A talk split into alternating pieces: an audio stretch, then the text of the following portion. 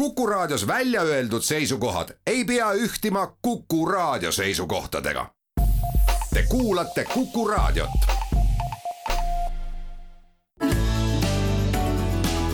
keskpäevatund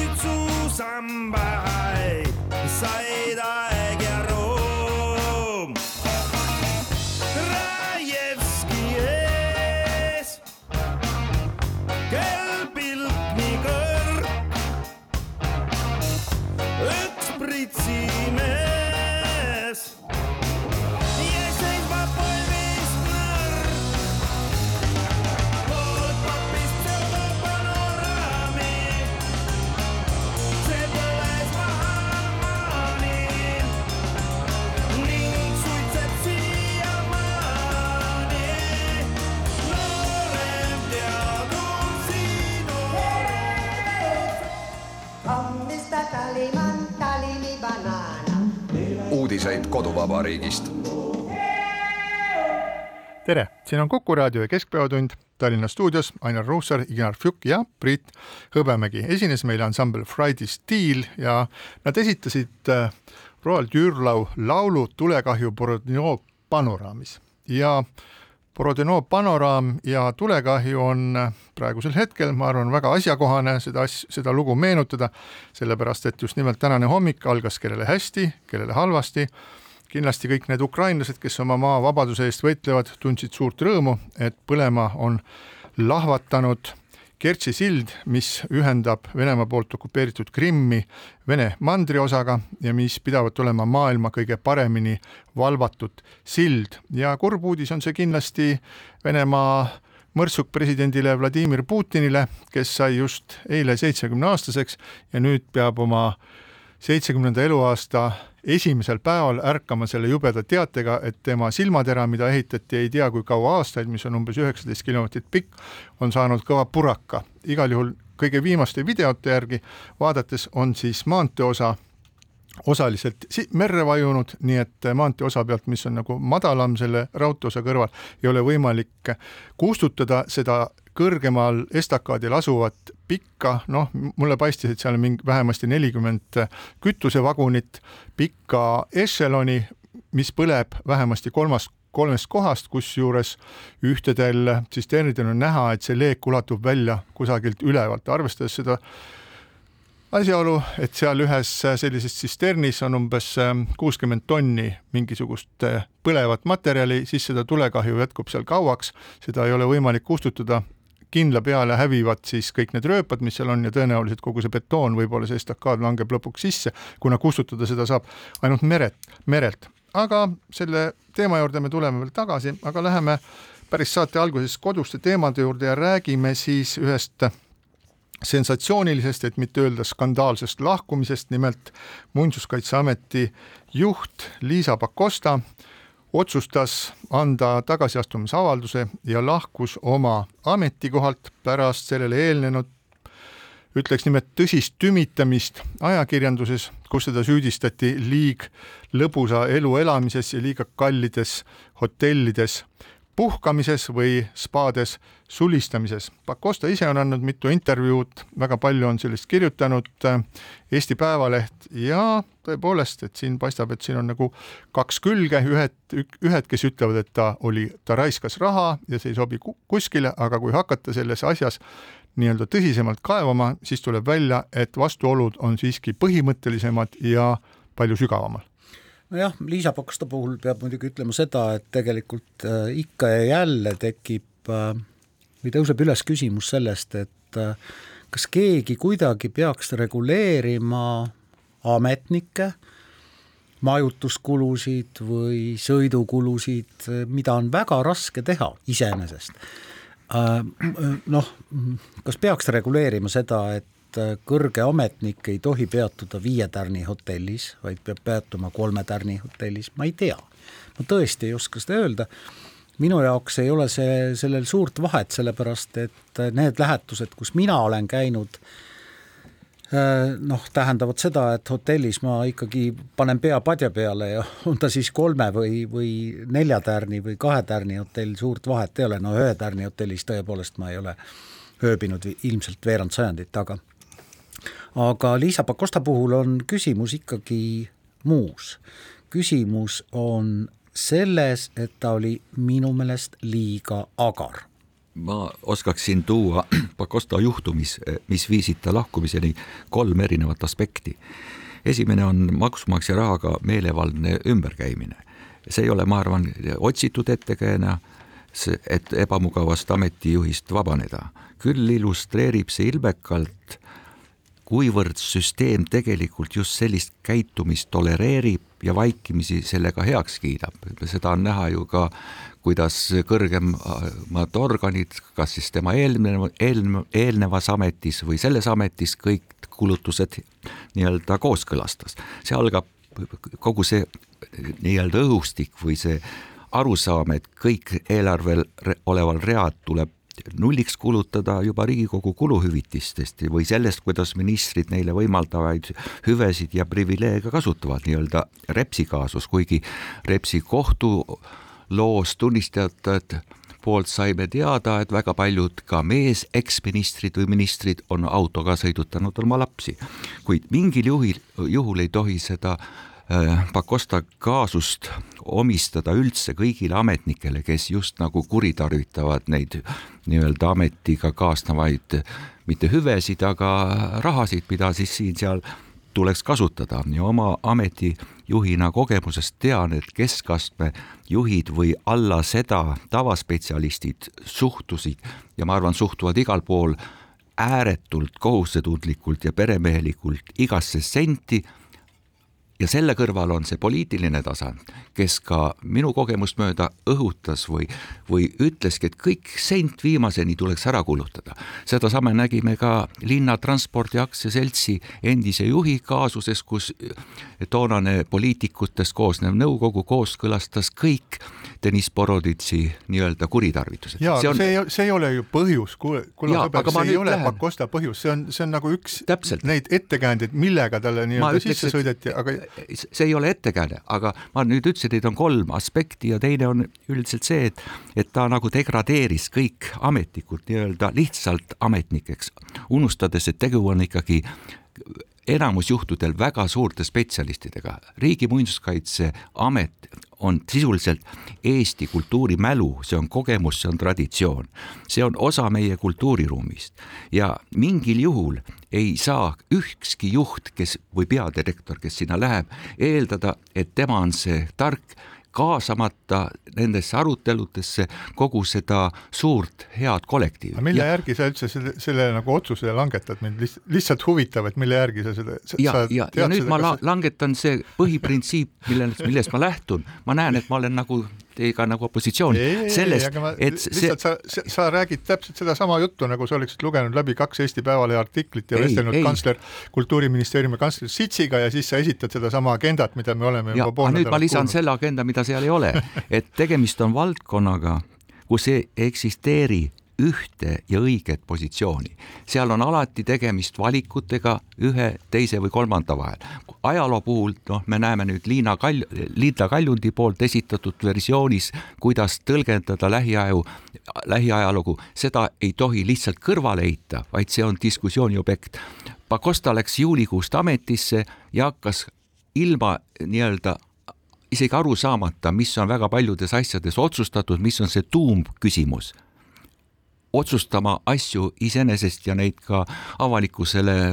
kommunikeerima No, et ma saaksin aru, et sa ei, ja n- ma neljanda, et teist nagu õieti aru saada, loomulikult on see- see on valdkond, kus on liiga palju agarust või nii-öelda vahel eesmärgitud nii-öelda pühendumust, mis viib selleni, et, et me oleme nii-öelda teisel pool, ühel pool on nii-öelda muinsuskaitsega seisukoha,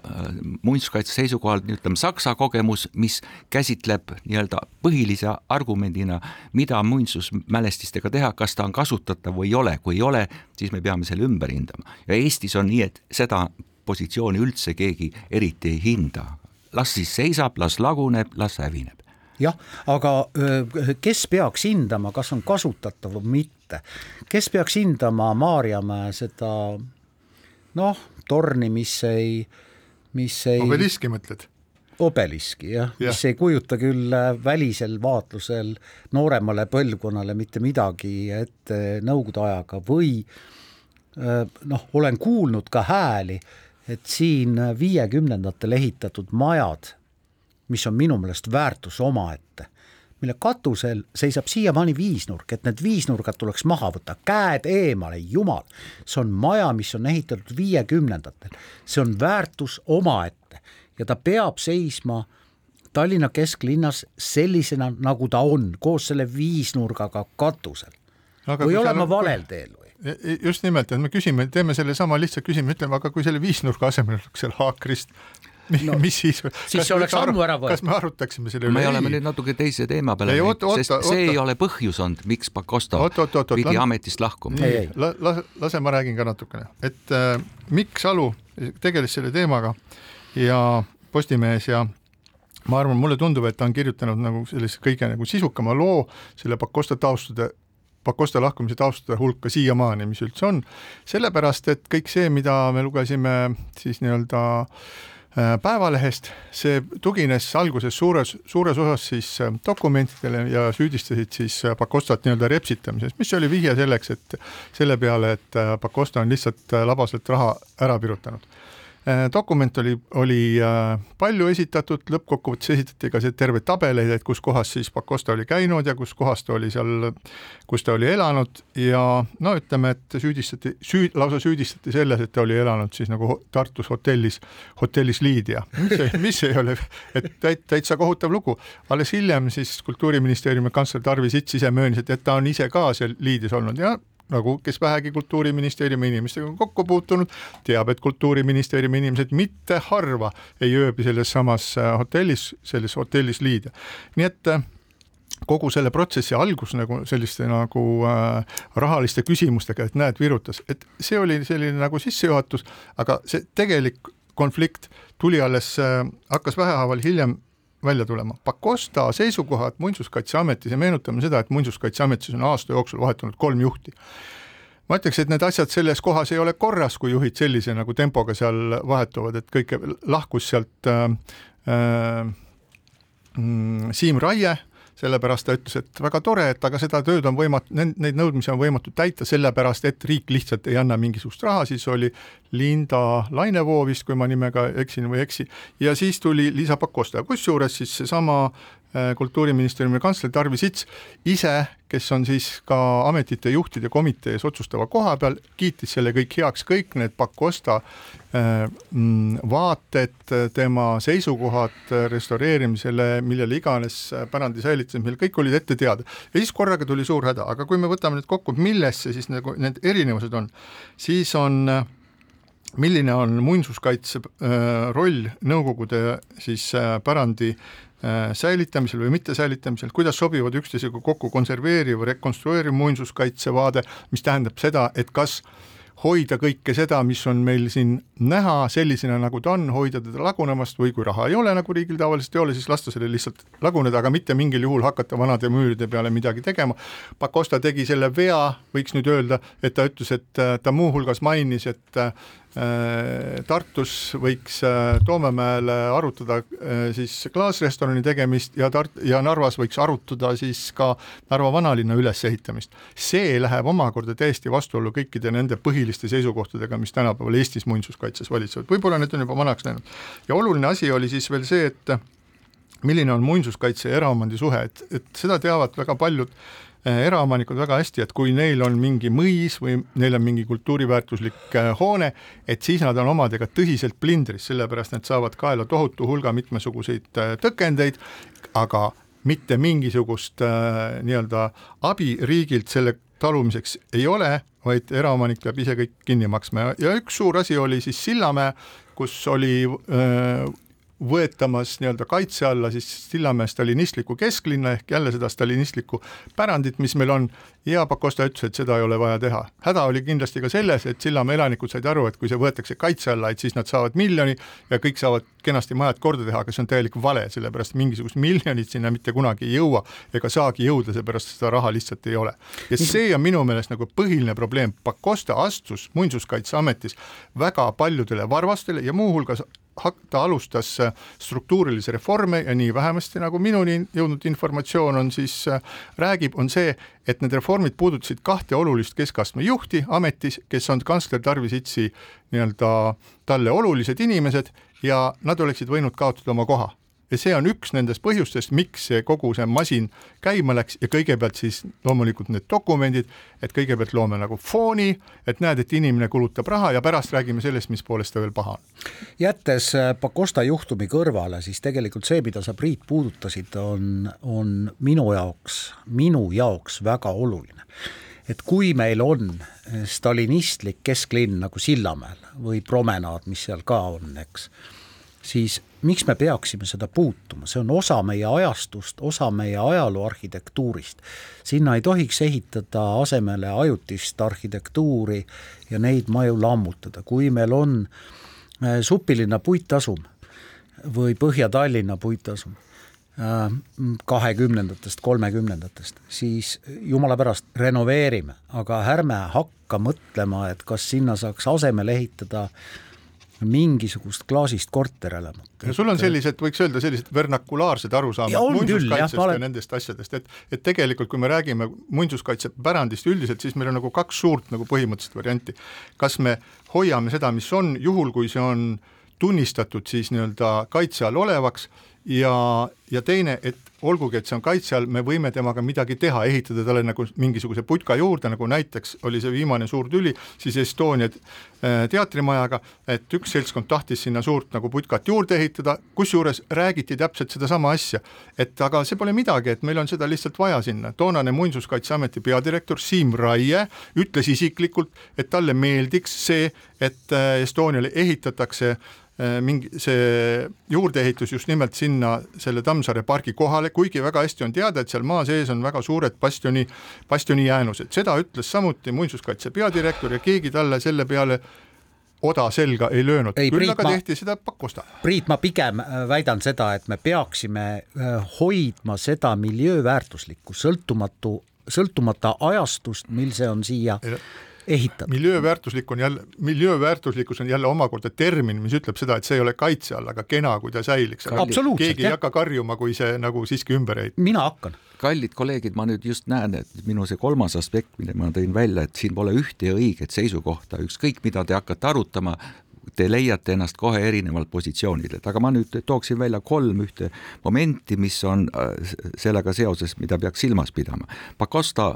ei nii-öelda va- vallandatud või teda ei last- lastud lahti, ta lahkus ise. järelikult tal oli mingisugune sisemine arusaam, et ta oli midagi valesti teinud, sest kui inimene on teinud kõik õieti, siis ta iseenesest ei, ei peaks lahkuma, eriti veel Pakosta, kes on olnud väga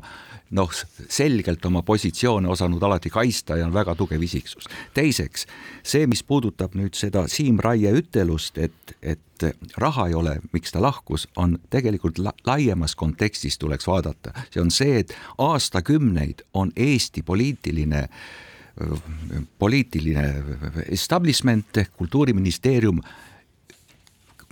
praktiliselt erilise noh, sisseelamiseta või aru saamata kuulutanud mälestisteks ehitisi, millel sageli puuduvad mälestise tunnused isegi, mis tood, tähendab tood mõne näite. no näiteks Vääna viis, mis on üks endine raudteepaviljon, mis on puidust kokku varisenud ehitis, mis võeti, on mälestiseks ja mida on püütud selle mälestise šrifti alt välja saada, mis viib selleni, et mälestisel on, tuleb teha ajaloolised eritingimused, selle kasutamine, taastamine, rekonstrueerimine on väga kulukas, sinna ei saa kaasaegset soojustust ega aknaid ega energia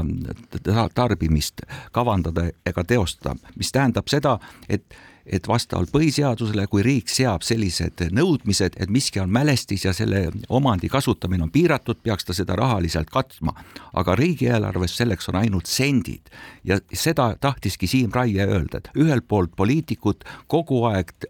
kuulutavad ehitisi mälestisteks, aga samaks selleks, samas selleks raha ei, ei, ei ole. ja nüüd kolmas, mis ma ikkagi tahaks Muinsuskaitseameti toeks öelda, ma ei taha, jälle uuesti kordan, et seal on ka liigset nii-öelda pühendumust, mis viib selleni, et kaotatakse eesmärk silmist, on see, et võrreldes Tallinna miljööaladega ja miljööalade ehitised peaks olema kraadi võrra väiksema kaitse all, kui on riiklikud mälestised, on Tallinna miljööalades sageli see nõudmiste tase või, või latt märksa kõrgemale seatud, omanikele palju ebamugavamaks tehtud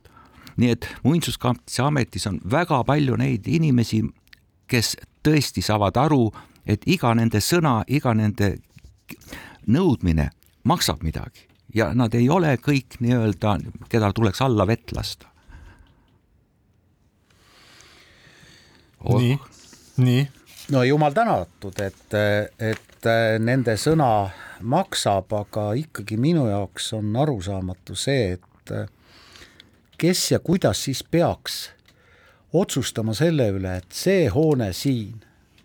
vajab säilitamist ja see hoone ei vaja, kas see on Muinsuskaitseamet, ministeerium on, või kohalik see, omavalitsus ei, või kõik kolm sõpra koos? see on palju keerulisem, see on ja, ja see on palju keerulisem, ta ei ole nagu otseselt niimoodi, et Muinsuskaitseamet, mis küll ei all, muinsuskaitse nõukogu, mis Aa, neljas ei, sõber on omanik. muinsuskaitse nõukogu, mis ei ole Muinsuskaitseameti alluvuses, annab, annab samas ometi nõu ministrile ja on erakordselt mõjukas ja siin üks asi ongi kindlasti see, et äh, meie Muinsuskaitse nõukogus on tänasel päeval on valdav siis see, äh, see seisukoht, et nii-öelda konserveeriv muinsuskaitse ja Pakosta tuli nüüd oma rekonstrueeriva muinsuskaitsega ja see, see kokkupõrge oli täiesti nagu paratamatu, ehkki siis nõukogu ei allu Muinsuskaitseametile, Pakostal ei olnud seal midagi öelda, aga Muinsuskaitseamet või Muinsuskaitse Nõukogu mõju ministrini siiski ulatub. sinu väide või ka sõnakasutus, see konserveeriv on väga täpne, kusjuures selleks raha eraldamata konserveerimiseks, mis tähendab seda, et asjad on lihtsalt lagunenud. tingimused ja nõuded selle äh, nii-öelda taastamiseks või rekonstrueerimiseks on sellised, et need ei toeta alati uut funktsiooni seal sees ja seetõttu asi jääbki lihtsalt seisma ja lagunema, noh näiteks on Tallinna linnahall. jah, ja nagu Siim no, äh, nagu äh, Mikk Salu ütleb. Narva Kreenholm. nagu Mikk Salu ütleb, et võiks öelda, et Pakosta lahkumise taga on poliitika, suur poliitika, kuidas Nõukogude pärandiga toimetada, väiksem muinsuskaitsepoliitika, võib-olla isegi parteipoliitika ja kindlasti siis vastuolud eraomandi ja taastamise ideede vahel, aga ma tuleks korraks selle alguse juurde tagasi, et kui kõik see lugu algas siis ajakirjanduses avaldatud äh, Äh, välislähetuskorralduste ettelugemisest, kui, kui palju Liisa Pakosta kuskil oli siis olnud, noh, ütleme niimoodi, et natukene paistab tõesti, et inimene armastab head elu, aga see ei ole nagu kellel midagi taolist, mille eest teda oleks saanud siis nagu sanktsioneerida. ta siiski ei teinud, need olid etteheited a la, et elas, elas äh, Lydia hotellis või siis äh, Viljandis Fellinis, aga lihtsalt vaatame hu huvi pärast, vaatame. kultuuriministeeriumi kantsler Tarvi Sits kahekümne kuuendast kolmekümnenda siis septembrini viibis UNESCO kultuuriministrite kohtumisel Mexico City's Mehhikos kuus tuhat viissada eurot, armas rahvas, läks see meile maksma, et äkki oleks siiski saanud mõne odavama hotelli, äkki oleks saanud odavamad piletid või võtame siis kultuuriministeeriumi kantsleri sõidu Milanosse korvpalli EM-ile, tuhat kuussada kuusteist eurot, äkki siiski oleks saanud sõita odavamalt, äkki oleks saanud odavamalt äh, elada ja nii edasi ja nii edasi, ehk mida ma tahan öelda, selline äh, kui sellised kulutused ei ole selgelt kuritegelikult, kui neid ei sanktsioneerita, siis nendega rünnaku ettevalmistamine on minu meelest on nõrk käik, aga siinkohal Pri- Priit, ma ütlen veel enne, kui sa teed vaheaja, ütlen siia, et eh, nii sina kui Ignar kui ka mina ei ostaks sellise raha eest neljaks päevaks pileteid Mehhikosse. Ma olen seal paar korda käinud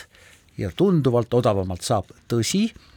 tuleb võib-olla paar korda ümber istuda, paar tundi kuskil lennujaamas kannatada, aga ikkagi on odavam. ja siinkohal väike paus. keskpäevatund.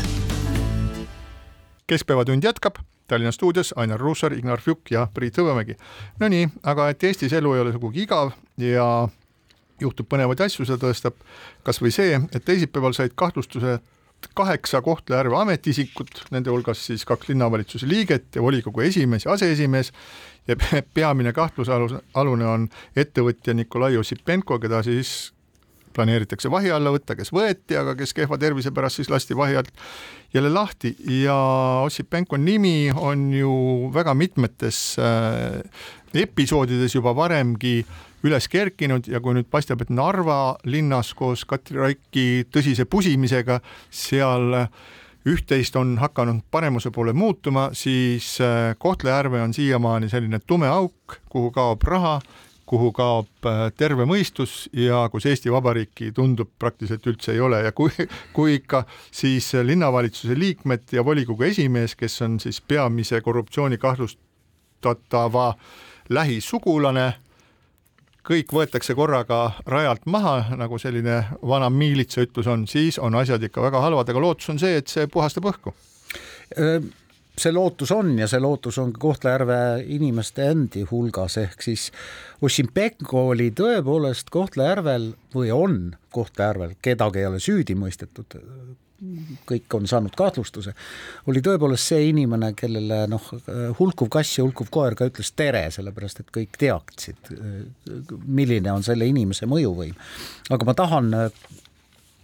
kuulajatele ära seletada ühe asja, et tänapäeva korruptsioon ei tähenda tingimata seda, et keegi läheb valge ümbrikuga, milles on pakk raha äh, kellegi juurde ja, ja annab selle talle, et tänapäeva korruptsioon äh, tähendab hoopis palju muid asju ja eelkõige tähendab see teeneid, ametikohti,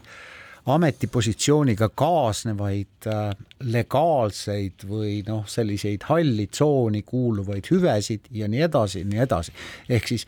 korruptsioon ei tähenda seda, et mina annan Priidule ma ei tea, sada euri ja palun, et Priit järgmise äh, keskpäevatunni saates annaks mulle rohkem sõna, see ei ole, see ei ole tänapäeval enam korruptsioon. nii odavalt ei saa, nii odavalt ei saa mingit sõna tänapäeval. minevikku. Nii, aga kas, vot sa, sa olid seal äh, ise Pool- poolteist aastat. jah, poolteist aastat ja sa tunned seda kohalikku olustikku, mida ei saa sugugi minu kohta öelda, nii et, et ma olen seal võib-olla aastas korra sõidan läbi, aga aga jääbki mulle suures osas mõistatuseks, et kuidas siis ikkagi on võimalik, et äh, isegi nüüd, kui Narva on hakanud nii-öelda liikuma puhtamate vete poole, on siiski mõned sellised äh, tumedad laigud, kus äh, kus justkui kolmkümmend aastat ei olegi vahepeal nagu olnud või oleme ikka seal kuskil kaheksakümnendate aastate lõpus. mul on üks näide äh, sellest ajast, mil ma olin äh,, elasin Kohtla-Järvel. Kohtla-Järve linnavalitsuse vastas on kahe kaevuriga kuju. linnavalitsus on selline suur, vist seitsmekorruseline hoone klaasist akendega, selline nõukaaegne hoone, aga noh, kõik need äh, aknad, akende taga istub linnapea ja abilinnapead ja nii edasi. ja ühel päeval, kui ma sealt kaevurite kujust mööda jalutasin, siis keegi oli kirjutanud sinna punase värviga tsentriste voore, mis siis eestikeelses tõlkes tähendab, et Keskerakond on, kesikud on vargad seda on ju ka kohtus tõestatud korduvalt. ja ühe päeva jalutan mööda, teise päeva jalutan mööda, nädala jalutan mööda ja see kiri on sellel kujul alles ja siis ma hakkasin mõtlema, et pagan, kui ma oleksin linnavalitsuse liige, kuulun Keskerakonda ja näen seda kirja, et ma olen varas iga päev, miks ma ei helista ja ei ütle, kuulge, ma olen siin linnavalitsuse liige või linnapea või abilinnapea, palun peske see kuju puhtaks, aga näed, näpp ei liigu. Aga kas neil on võib-olla jumala kama, sest kui sa oled kindlalt toolil, siis no, las koerad hauguvad, karavan läheb edasi. aga see on üks, vaata, see on üks Igno näide sellest, mis seal linnas toimus, vähemalt äh, noh, kolm aastat tagasi no tahame loota. kui mina seda äh, uudist kuulsin esimest korda, siis millegipärast ma, mind ei vallanud mingisugune imestus või üllatus või see, see tundus nii iseenesestmõistetav, et seal midagi sellist peaks toimuma, ma ei tea, millest see tuleneb, aga nüüd Ainari jutt sellest, kuidas nad sallisid, et nende oma maja ees on selline neid sildistav silt ja neid see ei häirinud mida, millega nad tunnistasid, et nad on selle omaks võtnud, kogu Kohtla-Järve rahvas teab, et neil on viimastel kohalikel valimistel valitud selline omavalitsus, volikogu, volikogu on pannud ametisse samasuguse äh, valitsuse, aga aga nad ise valisid. ja aga nüüd sellega seoses, kui nüüd minna samm edasi, sest ilmselt äh, Kohtla-Järvel ei muutu enne mitte midagi, võib-olla alles peale järgmisi valimisi. et nüüd hakkab kerima meie silme ees kohtupidamine. Ja esimene uudis on nüüd eilsest, kuidas siis Viru maakohus, kes pidi nii-öelda esimesel kohtuistungil hakkas seda nagu arutama, esialgselt oli meedia lubatud saali, aga seejärel vahetult enne istingut paluti ajakirjanikel eh, lahkuda. Ja seda nagu tõe, nii-öelda põhjendati sellega, et avalikkuse põhimõte kehtib ainult nendel istungitel, kus kohtul on juba süüdistusakt, aga antud juhul on alles menetlustoimingud selles faasis, kus seda toimub süüdistusaktid koostamine. Ja seetõttu oleks tegu nii-öelda mingil moel nii-öelda kohtualuste või tulevaste süüaluste nii-öelda ette võlla tõmbamisega. Ja sellega seoses on üks teine uudis mõni, mõni päev tagasi me saime teada, et Euroopa Komisjon on on rahulolematu sellega, et Eestil on probleeme süütuse presumptsiooniga, mis tähendab seda, et, et inimesed, keda, kellel on see pandud mingisugune kahtlustus enne seda, kui nad on nii-öelda süüaluseks tehtud või veel enam kohtus süüdi mõistetud, on meedia nad avalikult juba nii-öelda laibaks tampinud. Ja, ja see ei ole, mis ma nüüd seda ütlesin, mingil juhul Kohtla-Järvel nende volikogu liikmete või linnavalitsuse liikmete toetuseks või kaitseks öeldud nende nii-öelda tehtu eest, vaid üleüldiselt see on aastakümneid, ma olen näinud, kuidas meedia sageli peksab nii-öelda oimetuks kellegi, kes hiljem kohtus õigeks mõisteti ja siin viimane aspekt, see nõndanimetatud meedia keskne tegelane Nikolai Ossipenko on kolla, korra juba kohtu all olnud ja sealt vabastatud tervislikel põhjustel. ja nüüd jälle teda ei pandud kaheks kuuks mati peale seetõttu, et tal on tervisega kehva, ta saab kogu aeg tegutseda, ta saab nii-öelda kuritarvitada oma positsiooni, aga kohtu all ta ei saa olla. nüüd on huvitav teada, kas Eesti kohtupraktikasse tuleb mingi pööre, kus hakatakse ka hindama mitte ainult ühe arsti seisukohta, et kas kohtualune on pädev, tema tervislik seisund võimaldab tema üle kohut pidada või on selleks vaja ikka autoriteetsemat ja terviklikumat arusaama. kohtupidamine tuleb läbi viia kiirelt ja, ja seetõttu saavad kõik kes on teinud midagi kurja, kohtu all ka olla. tegelikult need Kohtla-Järve uudised ikkagi arenevad edasi ja noh, vaatame, mida toob esmaspäev, sellepärast et Keskerakonna kohalik juhatus ütleb, et Kohtla-Järve linnavalitsus peab hiljemalt esmaspäeval tagasi astuma. mitte sellepärast, et tunnistada kõik kollektiivselt oma süüd, aga just nimelt sellepärast, et need, kes ei ole kahtlusalused, süüdi ei ole keegi veel. kes ei ole kahtlusalused, ütleksid, et jah, noh, me olime sellega seotud linnavalitsusega, aga et äh, kui asi jõuab kohtusse ja kohtulahendini, siis, siis vaatame edasi. mulle tegelikult äh, see variant meeldiks iseenesest, milline võimuvaakum siis jälle Kohtla-Järvel tekiks, sest et äh, ega üks äh, selline linn nagu Kohtla-Järve ilma linnavalitsuseta ju hakkama ei saa, nagu iga teinegi linn. no eks seda kindlasti jah, aga arvestame seda, ma ise usun seda, et kui taoline, taoline aktsioon on ette võetud, siis äh, küll on kõvasti ka pealt kuulatud ja, ja informatsiooni on palju, aga arvestame seda nagu seda mahtu seal, et äh, kaks abilinnapead, volikogu juhid, siis ähm, äh, Ossipenko kümme siis, inimest jah, on saanud kahtlustuse, kümme abi, inimest. abilinnapea sotsiaalküsimustes, siis linnapea abi Ahtme ja Oru linnaosas korrakaitseametnik, abilinnapea majandusküsimustes ja nii edasi ja nii edasi, et see on täiesti nagu uskumatu seltskond ja veel, veel suur hulk nad on kõik oma, omavahel risti ja resti läbi läbi kasvanud nagu selline peekon ja noh, ma tahaks väga loota, et see punt seal puhtaks tehakse, aga siinkohal väike paus.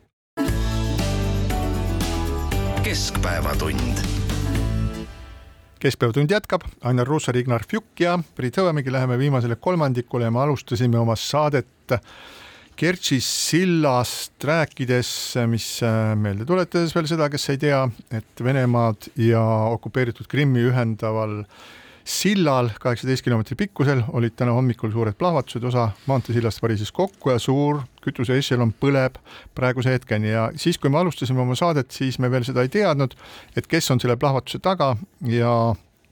praeguseks hetkeks on siis umbes viis minutit tagasi on siis Ukraina uudistekanal Unian, see on ametlik uudistekanal, teatanud,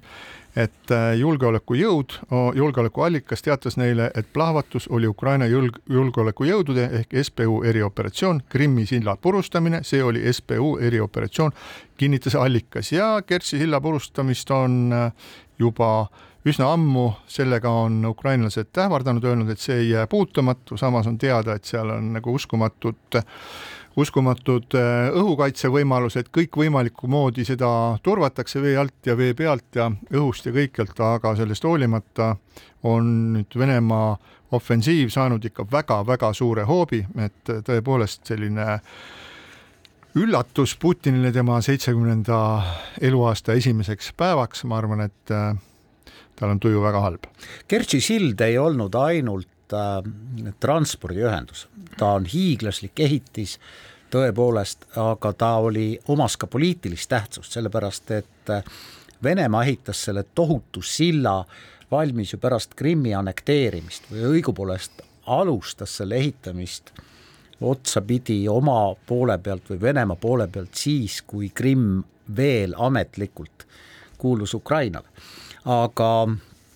jah, Vladimir Vladimirovitšile äh, lisas ju jõudu ka Venemaa õigeusu kiriku patriarh, mul ikka kukkus ausalt öeldes suu lahti, kui ma vaatasin ka ka Vene teleuudistes seda, kuidas patriarh äh, õnnitles äh, Vladimir Putinit seitsmekümnendal sünnipäeval sõnadega. Jumal on andnud teile ameti ja ainult Jumal sellega võtab. Ehk siis äh, ma, mina olen veel aru saanud, et noh, Venemaal ilmselt võltsitakse valemi, valimistulemusi, aga ikkagi mingisugune valimisprotseduur on käinud, aga nüüd siis me saime aru, et et tegelikult ikkagi Venemaal määrab ametisse inimesed Jumal.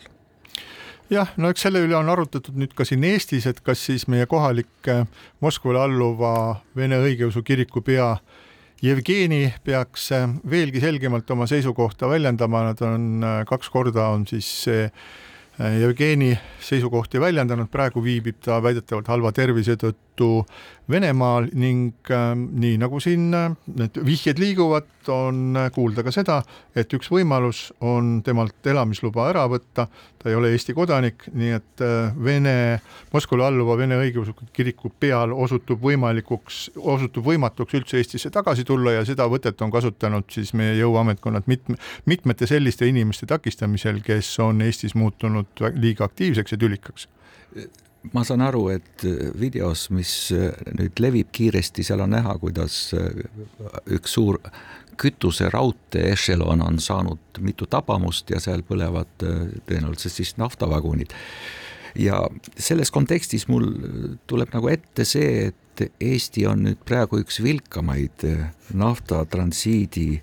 või siis nafta impordi riik Euroopa Liidus, kus siis Venemaa äh, vastavad tooted tulevad Eestisse ja kui ajakirjanikud on soovinud saada teada, et miks see nii on ja siis on saadud vastuseks, et teate, et see on nii-öelda ärisaladus, me ei saa öelda, millised firmad sellega tegelevad ja, ja miks nad sellega tegelevad ja, ja kui äh, stuudios oli majandus- ja kommunikatsiooniminister Riina Sikkut, siis ta tunnistas ausalt, et ta pole isegi huvi tundnud, mis sorti ja mis mahus nafta ja gaasisaadused Venemaalt läbi Eesti voolavad. Ja ka ühes teises saates, kus oli ettevõtteminister Kristjan Järvan, kes muidu on väga vähemalt saate põhjal oli väga terane ja väga noh, huvitav vestluspartner Ainar sulle, hakkas ka rääkima nii-öelda sellist nagu üldist poliitilist juttu, et see on ebaeetiline, aga, aga kui korduvalt küsiti, et aga miks see ikkagi toimub, siis vastust sellele ei saadud. nii et ma arvan, et see Kertši sillal praegu toimuv, kuidas kütused põlevad, äratavad ka Eestis vastavad poliitikud või instantsid, kes peaks reageerima sõjaolukorrale praegu adekvaatsemalt. ja praegu on ju olukord selline, et Vene, Vene kütusega äritsemine lõpeb peatselt ära ja enne seda, enne neid, seda lõplikku lõppu üritatakse teha veel soomust nii palju, kui vähegi saab. ühest küljest on muidugi nagu, on see hale, kuidas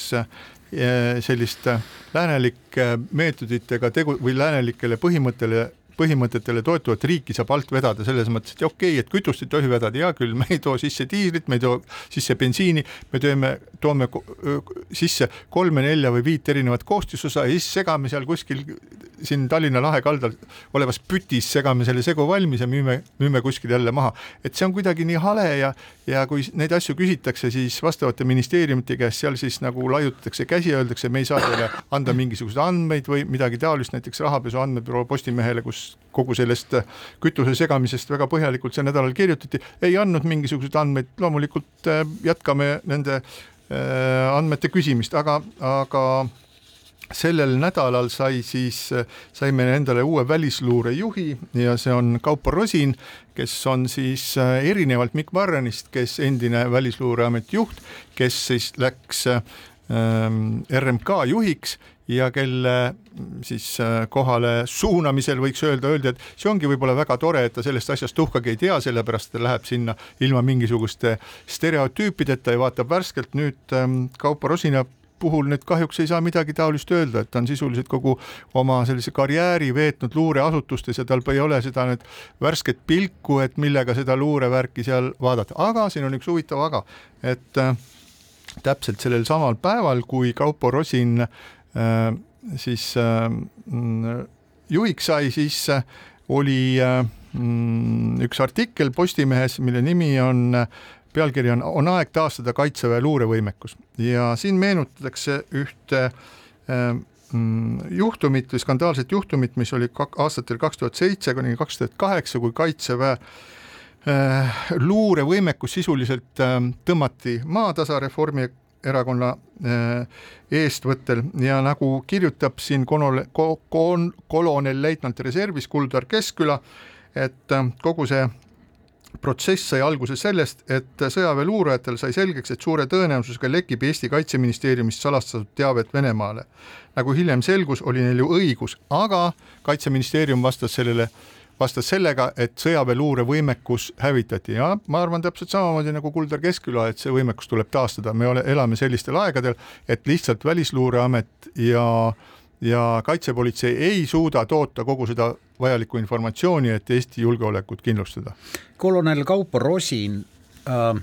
jah, on väga pikalt olnud kaitseväe teenistuses, ta on äh, olnud ka, ta on teeninud ka sõjakoldes Iraagis. äh,, praegu küberväe juhatuse ülem ja tegelikult kogu see kübermaailm ja küberluure ja küberkaitse on üks välisluure. Noh äh,, tööriistu kindlasti täna ja veelgi rohkem homme, nii et äh, ma arvan, et välisluureteenistus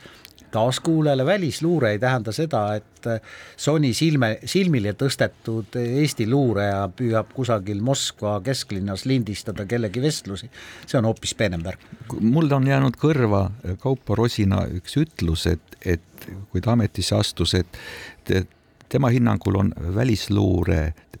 kuhu ta nüüd ametisse astus, töö ja tegevused hästi olnud korraldatud, mis on ühtlasi ka Mikk Marani tegevusele hinnang ja ka varasematele. Ja ka hinnang Eesti riigile kui sellisele, sest ma ei tahaks, et Välisluureametis või kapos või taolistes kohtades me võiksime tuvastada või näha midagi sellist, mis juhtub Kohtla-Järvel mis ei ole tõesti ka ainult ühe erakonna juhtum praeguses case'is, seal on ka teisi erakondi ja valimisliite. teine erakond on sotsiaaldemokraadid. sotsiaaldemokraadid on opositsioonis, nemad, aga ma mõtlen see, kes on nii-öelda kahtlustuse saanud. Ja Reformierakond. Aga siia et... saate lõpuks võib veel lisada seda, et äh, linna peal liiguvad sellised jutud, et äh, majandus- ja kommunikatsiooniministeeriumi uueks kantsleriks saab Ahti Kuningas, kes praegu on äh, asekantsler. kui me nüüd vaatame siin lihtsalt äh, internetist, et millega siis Ahti Kuningas on tegelenud, siis ta on olnud Estonian Airi nõukogu esimees, me teame, kuidas Estonian Airi on valatud raha lõputult ja lõputult ja praegu ilmselt vormitakse sellest sellest viimasest mm, jupist, sellest Nordicast välja midagi taolist, et millel ei ole väärtust ja et siis Jan Palmeer saaks selle rahulikult ühel päeval tasku, tasku pista, siis on ta olnud EAS-i nõukogu esimees, no ei ole mingisugust mõtet meelde tuletada. Kõiki neid jamasid, millega EAS on hakkama saanud ta on tegelenud Rail Balticuga, mis on katastroofiliselt hilinenud, nii et äh, tõepoolest selliste tublide töösaavutuste eest siis premeeritakse Ahti Kuningat äh, kantsleri ametikohaga, neljapäeval väidetavalt ta sinna kinnitatakse. Ja ma pean ütlema, et ma olen kohtunud äh, juba varasemal ajal mitmete Eesti tööstusjuhtidega, kes on viibinud konverentsidel ja ja kuulanud Ahti Kuningat ja hoidnud peast kinni ja pärast öelnud, jumal hoidku küll. ja siinkohal lõpetame saate, täname, kohtume taas nädala pärast keskpäevatund